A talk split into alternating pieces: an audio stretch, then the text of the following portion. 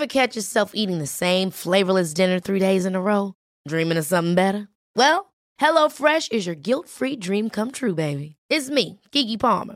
Let's wake up those taste buds with hot, juicy pecan-crusted chicken or garlic butter shrimp scampi. Mm. Hello Fresh. Stop dreaming of all the delicious possibilities and dig in at HelloFresh.com. Let's get this dinner party started.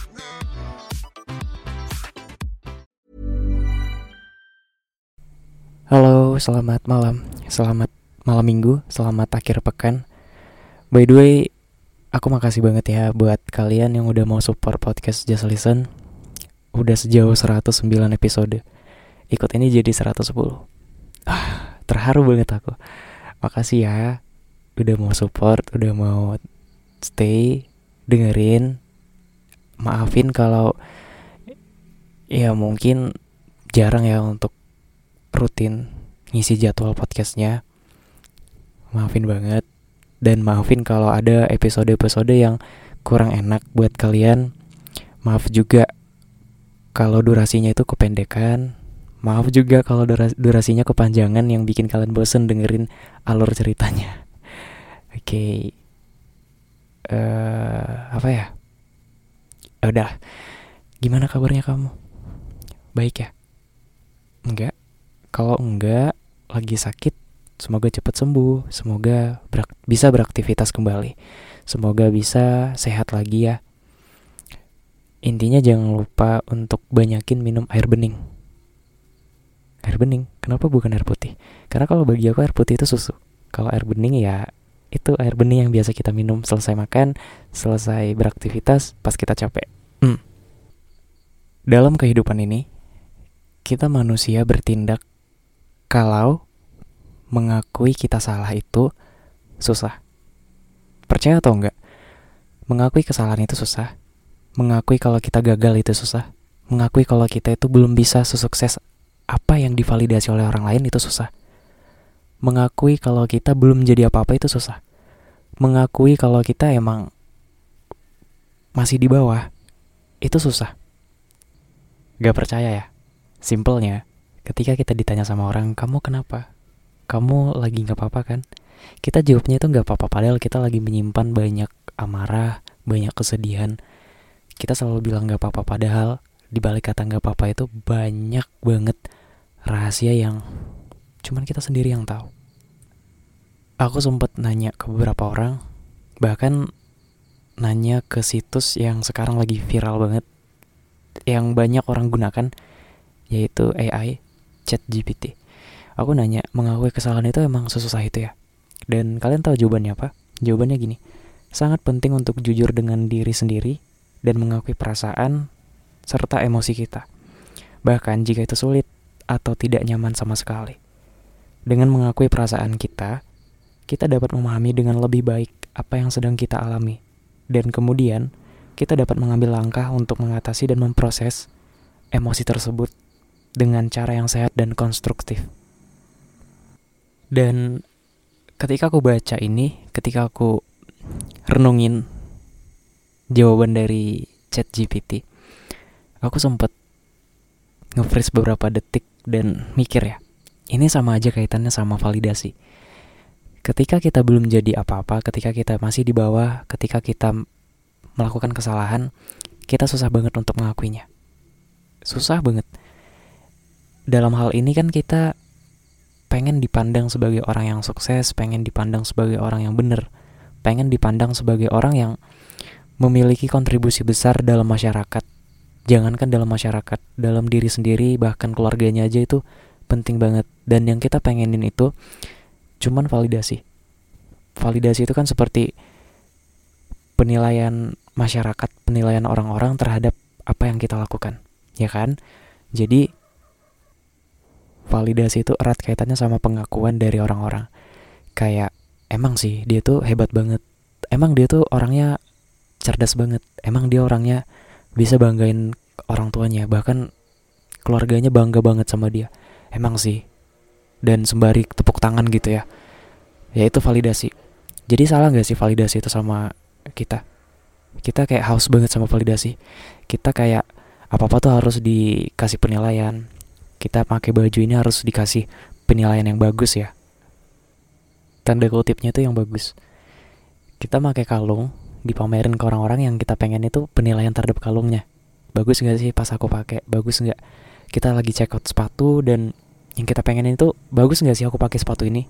Meskipun kita nggak ngomong secara langsung kayak gitu ya depan orang-orang. Cuman ketika kita pakai sepatu itu yang kita pengenin itu orang-orang menilai bagus apa enggaknya sepatu tadi tapi disclaimer dulu aku bukan orang yang pinter baca ekspresi aku bukan pakar ekspresi aku bukan orang yang ngerti perasaan manusia satu sama lain itu gimana enggak. Aku manusia yang ya biasa ini podcast sepenuhnya itu opini opini aku ya. Jadi buat kalian yang dengerin ini jangan bilang pinter banget nih si Juna ngomong kayak gini padahal kenyataannya enggak emang. Ya ini menurut kacamatanya aku menurut pandangannya aku menurut lingkungannya aku jadi bener salahnya itu bisa DM aku secara pribadi dan nanti kita koreksi bareng-bareng, kita perbaikin bareng-bareng ya. Oke, lanjut. Tadi tentang validasi. Jadi validasi itu sepenting apa sih dalam kehidupan kita?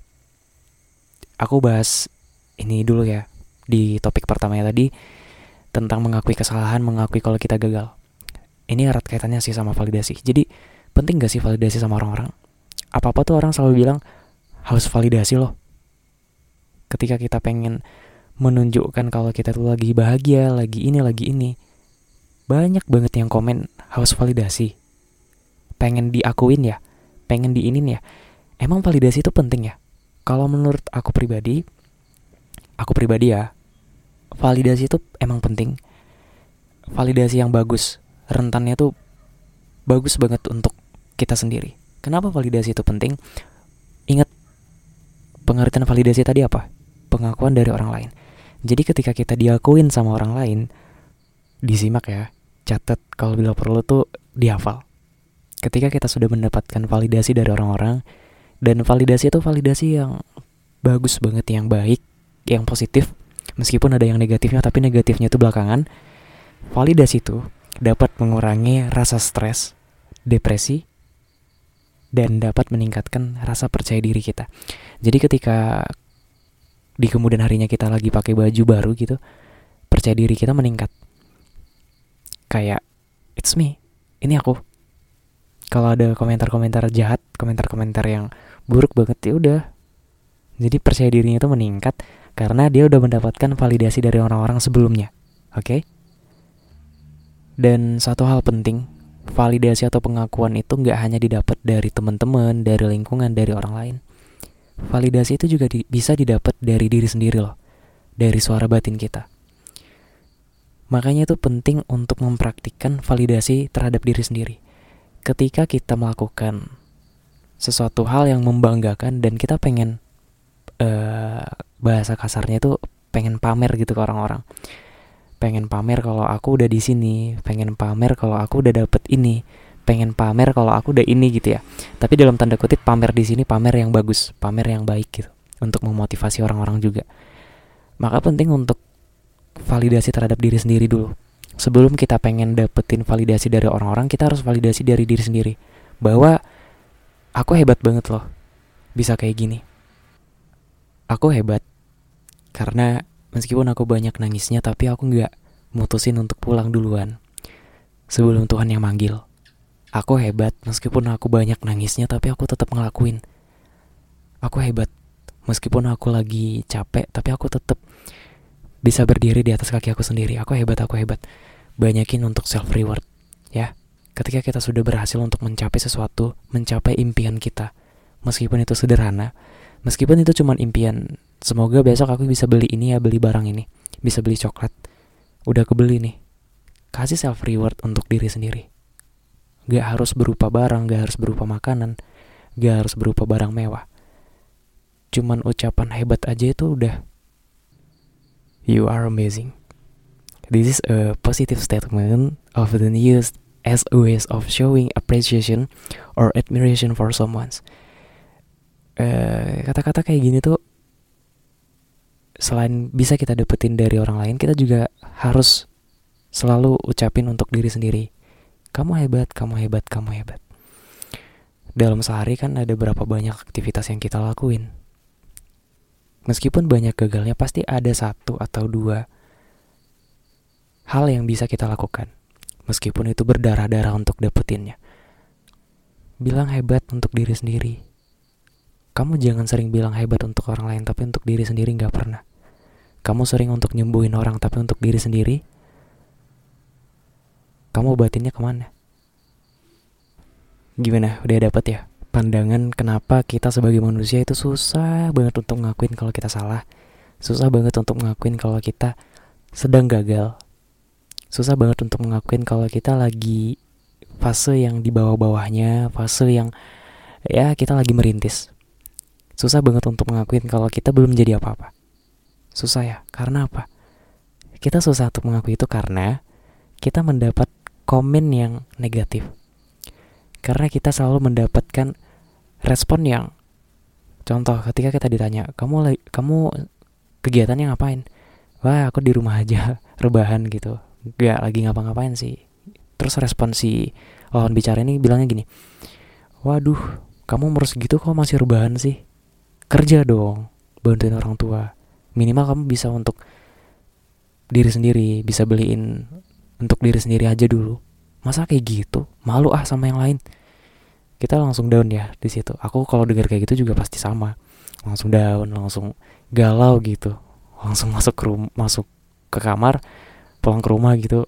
Nangis nangis kayaknya. Aku sih kayak gitu ya wajar ya namanya manusia punya perasaan. Kalau nggak punya perasaan mungkin udah sekuat baja udah sekuat Ultraman gitu.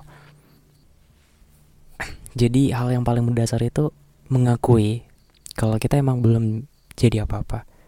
Akuin dari diri sendiri kalau kita emang lagi sedih lagi emosi lagi gagal sedang gak mood sedang bad mood sedang lagi pengen sendiri gak mau diganggu akuin aja dulu perasaan itu sebelum kita mendapatkan validasi dari orang-orang. Ingat ya, validasi itu gak harus pengakuan yang positif ataupun yang negatif, tapi kedua-duanya. Jadi sebelum ibarat sebelum kita keluar rumah, sebelum kita bertemu dengan orang-orang, kita bercermin dulu. Kita pakai baju yang sopan gak? Kita mukanya udah bersih nggak? Sebelum kita ketemu sama orang kita harus kayak gitu dulu harus bercermin dulu. Biar apa? Biar respon yang didapat itu yang positif yang kita pengenin gitu yang ngebangun diri kita. Gak pengen kan mendapatkan respon-respon yang negatif? Gak pengen kan mendapatkan komen-komen yang nyakitin buat diri sendiri? Enggak maka sebelum itu harus mendapatkan validasi dari diri sendiri dulu. Akuin kalau kamu tuh cantik. Akuin kalau kamu tuh gak secantik dengan perempuan-perempuan di luar sana akuin kalau kamu tuh uh, emang lagi ada jerawatnya. Akuin kalau kamu tuh lagi malu untuk bertemu dengan orang-orang karena kondisi kamu yang seperti itu. Gak apa-apa. Jadi apa yang bisa kamu rubah dari diri sendiri ya rubah dengan usahanya kamu ikhtiarnya kamu. Tapi kalau nggak bisa dirubah ya udah itu takdirnya Tuhan. Gak, gak bakal bisa dirubah lagi. Gak mungkin kamu berkeinginan untuk punya empat kaki. Gak mungkin kamu punya keinginan untuk punya empat tangan kamu udah usahain banget. Padahal kan udah ketetapan dari Tuhan. Kalau normalnya manusia itu punya dua tangan normalnya manusia itu punya dua kaki. Jadi kalau yang punya satu kaki itu nggak normal ya? Ya normal tapi itu beda lagi ya. Ini bukan materi stand up komedi atau materi yang lain. Tapi ya gitu deh. Kadang otak aku tuh kayak gitu. Lagi ngeluarin statement kayak gitu tiba-tiba di otak aku beda. Ngeluarin statement yang ini dapat respon yang beda lagi tidak dari diri sendiri. Makanya random banget kelakuan random banget itu pemikiran. Jadi salah satu hal kenapa aku bikin podcast ya gara-gara ini.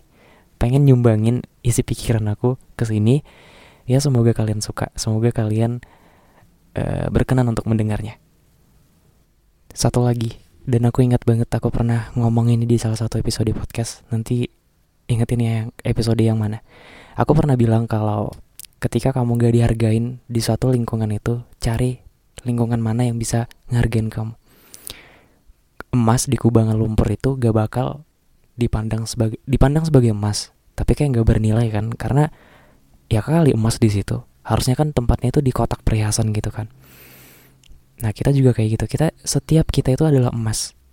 Jadi ketika kita itu lagi di kubangan lumpur, cari tempat yang emang khusus untuk kita. Cari tempat yang bisa ngehargain kita, cari tempat yang emang mau ngebangun jati diri kita. Ketika kita lagi berproses, respon yang kita harapkan itu kan yang ngebangun mental kita bukan yang ngejatuhin.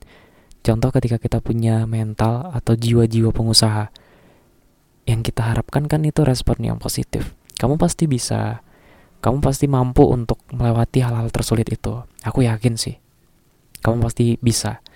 Dicoba lagi, kalau gagal kayak gini kayak gini, ya kan kita pengen respon yang kayak gitu, bukan respon yang, alah kamu gak cocok jadi ini, pasti besok langsung gagal, pasti ini pasti ini. Alhasil kita jadi down dan setiap proses yang kita lakukan pasti ngerasa bener gak sih?